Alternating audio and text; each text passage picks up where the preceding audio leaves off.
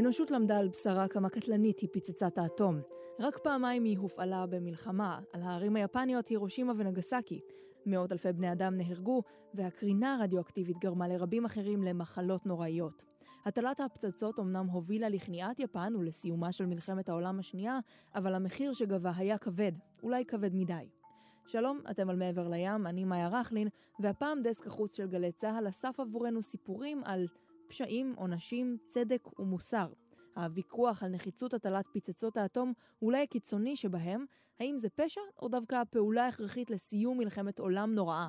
אבל מלבד הפצועים וההרוגים, הדי הפצצות ממשיך להדהד גם היום ביחסים בין ארצות הברית ליפן. בשנת 2016 היה נשיא ארצות הברית לשעבר אובמה לנשיא האמריקני הראשון שביקר בהירושימה. אף נשיא לא עשה זאת קודם, מחשש שהדבר יתפרש כהתנצלות, וגם אובמה בביקורו היה מרומז מאוד. הכל כדי לא להרים דגל לבן במלחמת המוסר הנמשכת כבר 70 שנה. A short time ago, an American airplane dropped one bomb on Hiroshima. The force from which the sun draws its power has been loosed against those who brought war to the Far East. I'm sorry, so sorry. שבעה עשורים אחרי שהנשיא טרומן הכריז על פתיחת עידן האטום עם הטלת פצצת הגרעין על יפן, הודיע הנשיא הנוכחי ברק אובמה לבקר באנדרטת השלום בהירושימה. כמה לפני הביקור היסטוריונים, פוליטיקאים וגם ניצולי ההפצצה טועים האם 70 שנה אחרי, כבר מאוחר מדי לבקש סליחה.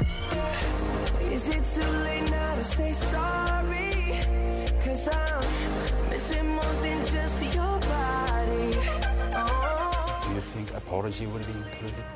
No.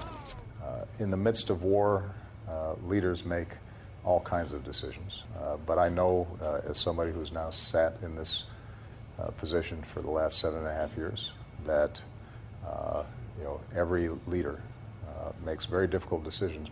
It's a job of historians to ask questions and examine them.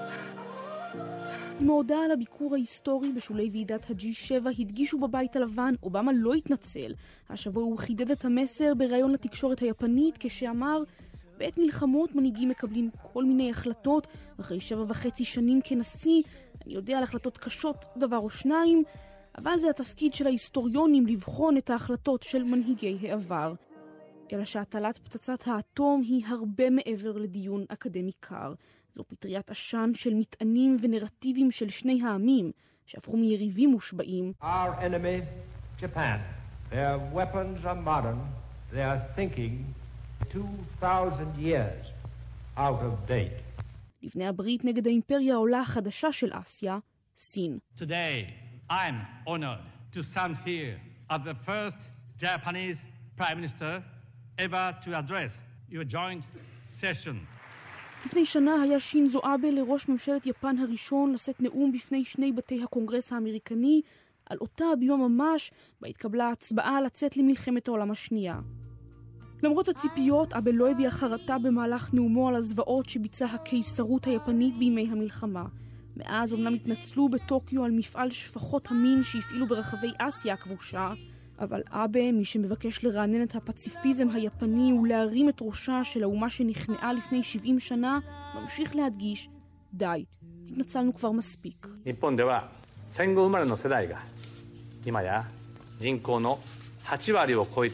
80% מאזרחי יפן נולדו אחרי מלחמת העולם השנייה. לדורות אלו ולאלה שיבואו אחריהם אין שום קשר למלחמה, ואין הם צריכים להמשיך להתנצל לנצח. נאם שינזו אבה באירוע לציון 70 שנה למלחמת העולם השנייה. ובעוד עבור היפנים, שאלת ההתנצלות מהדהדת את הדילמה האם הם הקורבנות או דווקא המקרבנים של המלחמה ההיא. מעבר לאוקיינוס השקט בארצות הברית, הבעת חרטה על פצצת האטום היא בגדר שכתוב של נרטיב הניצחון כולו.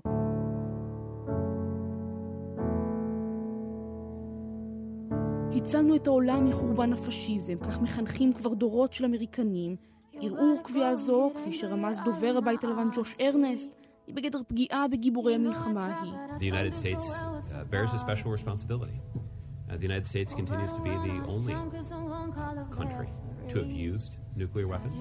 But look, there's also no diminishing uh, the important contribution of the greatest generation of Americans who saved the world from tyranny. There's been an increasing effort to pay a tribute to them as a generation ages. כן, כמו דור הווטרנס האמריקני של מלחמת העולם השנייה, כך גם הניצולים היפנים מתמעטים והולכים לעולמם. מתירים את דור ההווה בוושינגטון ובטוקיו, אבל באותה המידה גם בירושלים ובברלין, לשרטט בעצמם איך ישפיעו מטעני העבר הקולקטיביים על עיצובו של העתיד.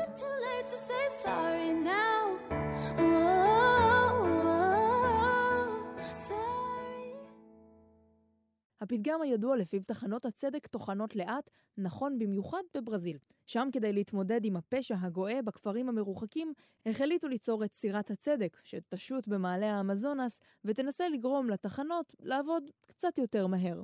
בעומקי היערות של ברזיל, אי שם לחופי האמזונס, יש עולם אחר. עולם שונה מאוד מהקדמה הטכנולוגית בברזיליה או בריו דה ז'נרו. עולם שהחוק היחיד ששולט בו הוא חוק הג'ונגל.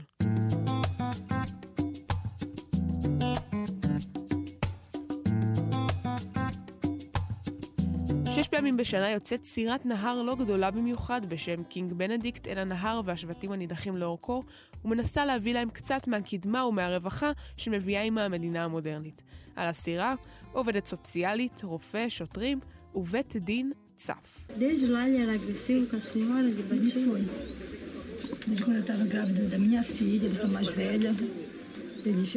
כך למשל נשמע זוג שבא להישפט בסירת הצדק של האמזונס.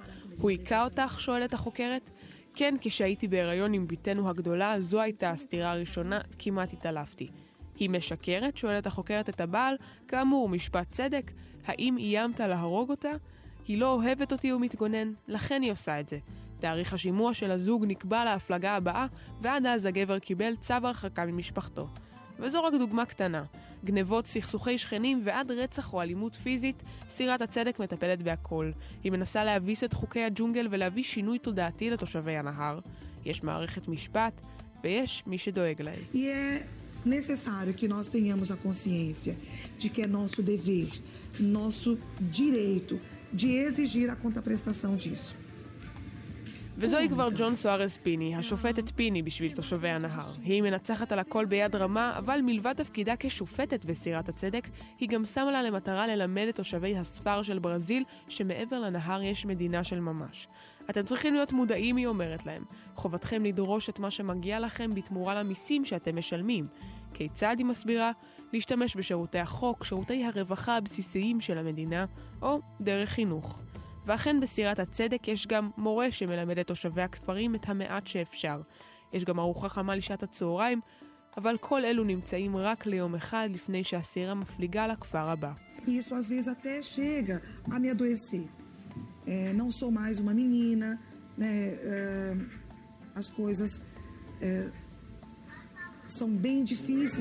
אני נעשית חולה מזה, מספרת השופטת פיני על המסעות הרבים בסירת הצדק. אני לא צעירה, ומאוד קשה להתמודד עם ההתנגדות מצד השלטונות, כי ההשלכות יהיו קשות. איומים, איומים בפיטורים, אבל אחרי 20 שנה בתפקיד, היא אומרת, אני עדיין פה. יותר מזה, היא מספרת, אפילו שש ההפלגות בשנה נתקלות בהתנגדות רבה. ומה קורה אחרי שהסירה עוזבת?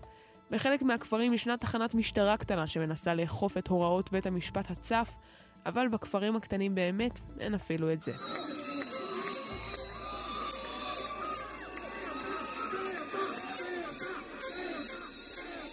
וישנה ההתנגדות בתוך הכפרים עצמם. חלקם מסתכלים על סירת הצדק ואומרים, סביבנו כורתים כל כך הרבה יערות ואתם מתעסקים בגנבת עדרי בקר?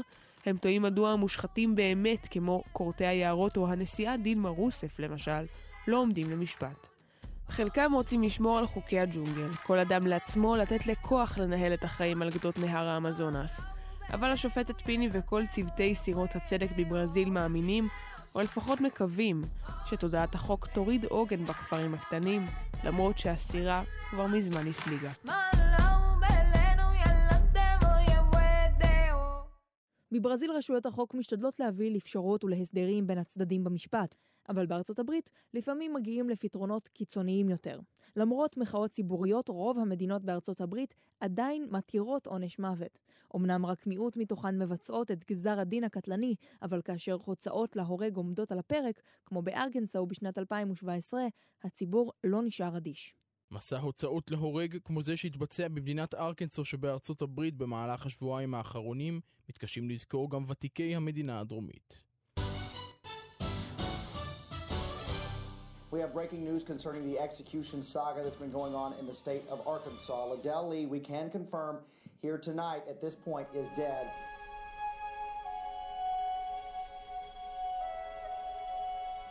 שמונה הוצאות להורג תוכננו בתחילה בתוך פרק זמן של 11 יום, חציים נדחו על ידי בית המשפט, וארבע האחרונים הוצאו לפועל, כשלראשונה זה 17 שנה בארצות הברית הוצאו שני אנשים להורג ביום אחד. הסיבה לבהלה, ובכן, תאריך תפוגה. לא של צו בית משפט, אלא של זריקת חומר מרדים. Arkansas says it's rushing the executions because the state's supply of the sedative midazolam will soon expire. אספקת החומר מידזולם שמוזרק לגופם של הנידונים למוות במטרה למנוע מהם לחוש בכאב בזמן הזרקת הרעלים, הפכה למעשה לבלתי ניתנת לשימוש, כשיחד עם יומו האחרון של חודש אפריל, הגיע גם תאריך התפוגה של אספקת החומר בארקנסו. אז למה שלא ירכשו חומרים חדשים? ובכן, תנועת המחאה נגד הנהגת עונשי מוות בארצות הברית הביאה חברות רפואה רבות להימנע מאספקת זריקות המשמשות להוצאות להורג. We'll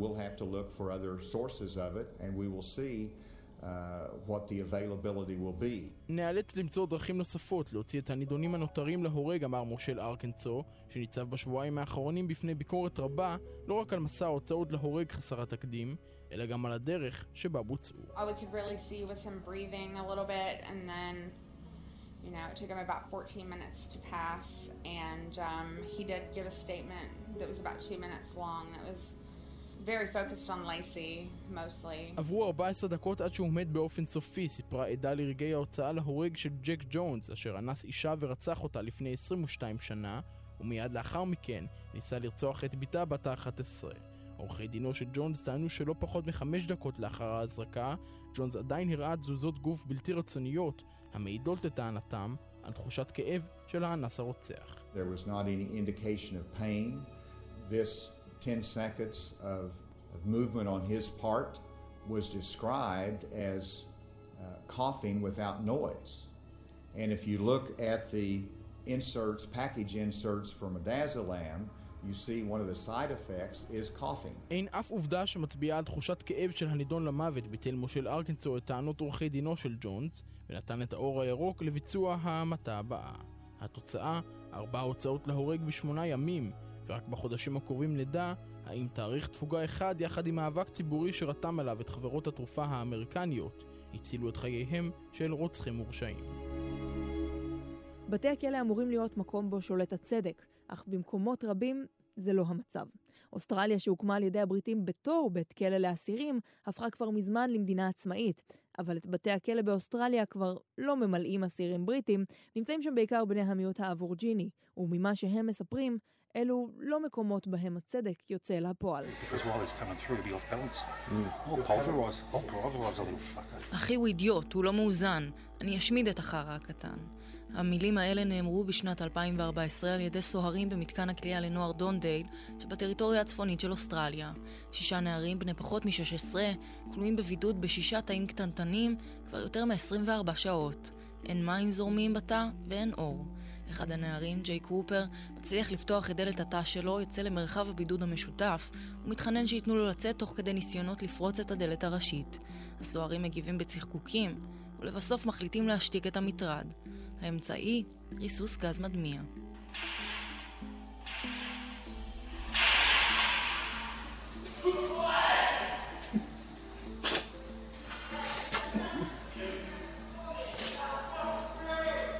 במשך דקות ארוכות שואפים ששת הנערים בתוך המרחב הקטן והחנוק את הגז, מתחננים שיוציאו אותם, צורכים שהם לא מצליחים לנשום. לבסוף הם נגררים לחצר, מושלכים על הרצפה כשפניהם מטה, וזוכים לסילון מים מצינור כיבוי ישר לפנים. The abuse of young people in the Dondale Youth Detention Centre has shocked and appalled the whole nation. I have announced that we will establish. הניצול של נערים בדונדייל זעזע את האומה כולה. ניצרתי שנקים ועדת חקירה ממלכתית בשיתוף עם ממשלת הטריטוריה הצפונית כדי לחקור את האירועים ואת המערכת כולה, אומר ראש ממשלת אוסטרליה מלקון טורנבול באיחור של שנים. עשרות עדויות, דוחות ותלונות על הנעשה במתקני הכליאה לנוער צפו מ-2010, באזור אולי הנידח ביותר של אוסטרליה. אלימות פיזית, השפלות, תנאים שלא ראויים לבני אדם, שיטה טיפולית נוספת שנחשפה השבוע היא קשירת נער בידיו ורגליו לכיסא, כששק לראשו במשך שעות בלי יכולת לזוז.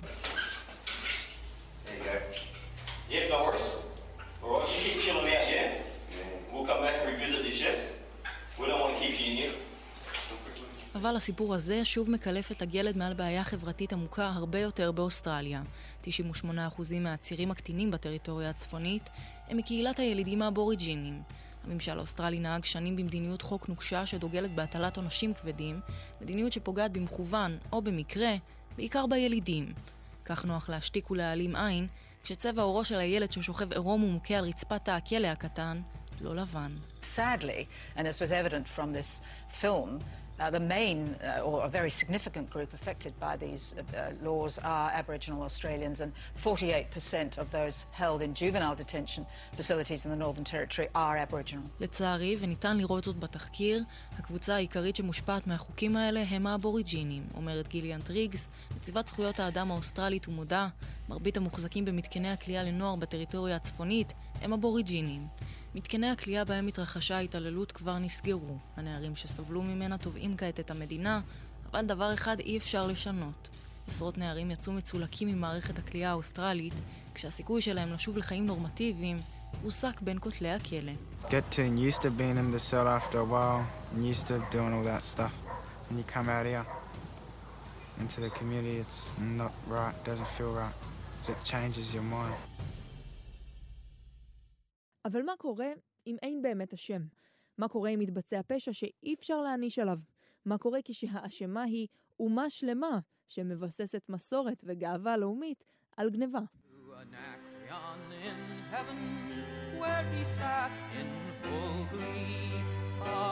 אם השיר הזה נשמע לכם מוכר, זה מפני שהוא היווה את הבסיס לשיר מוכר קצת יותר.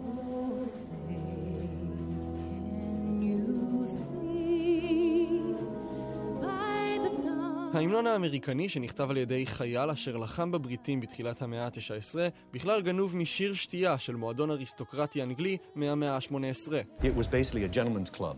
What was this society about? Drinking and women and music. גם המקרה של ההמנון הבוסני דומה, הוא הולחן על ידי מוזיקאי מרושע שנרשם לתחרות כתיבת ההמנון ושלח שיר שלדעתו היה מספיק טוב בשביל לזכות במקום השני או השלישי, אלא שהשיר זכה.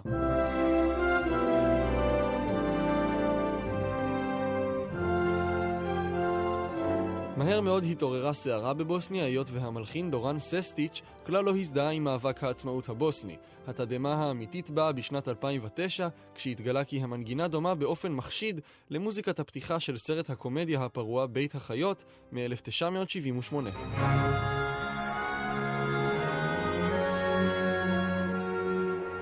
ספר חדש שכתב הסופר אלכס מרשל, שנקרא רפובליקה או מוות, מבקש לעקוב אחר המנונים לאורך ההיסטוריה. והוא מתעכב על אלו שהלחן שלהם לקוח ממנגינה אחרת. ההמנון של ליכטנשטיין למשל זהה לחלוטין להמנון בריטניה, אלוהים נצור את המלכה, שריד לתקופה שבה מדינות רבות חלקו את ההמנון הבריטי, שהיה הראשון בהיסטוריה. מרשל שונא את ההמנון של מולדתו. If I was trying to be political, I'd say the reason I don't like God Save the Queen is, is just because of overuse and because it's slightly plodding melody. I mean, when people bellow it, it really does sound like a dirge. אם אני מנסה להיות תקין פוליטית, אז הסיבה שאני שונא את ההמנון זה בגלל שימוש היתר בו. הוא נשמע כמו קינה, אומר מרשל. ומי עוד ברשימת ההמנונים הגנובים?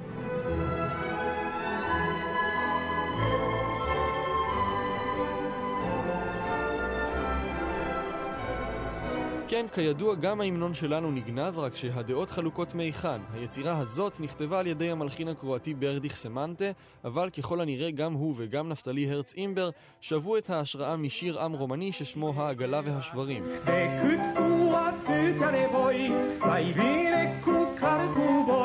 רשימת ההמנונים הגנובים רק מתארכת ככל שמתגלות עוד מנגינות עם עתיקות, ובין המדינות שנתפסו על חם אפשר למצוא את אורוגוואי, דרום אפריקה ודרום קוריאה. לפחות אפשר להתנחם, כי אנחנו נמצאים בחברה טובה.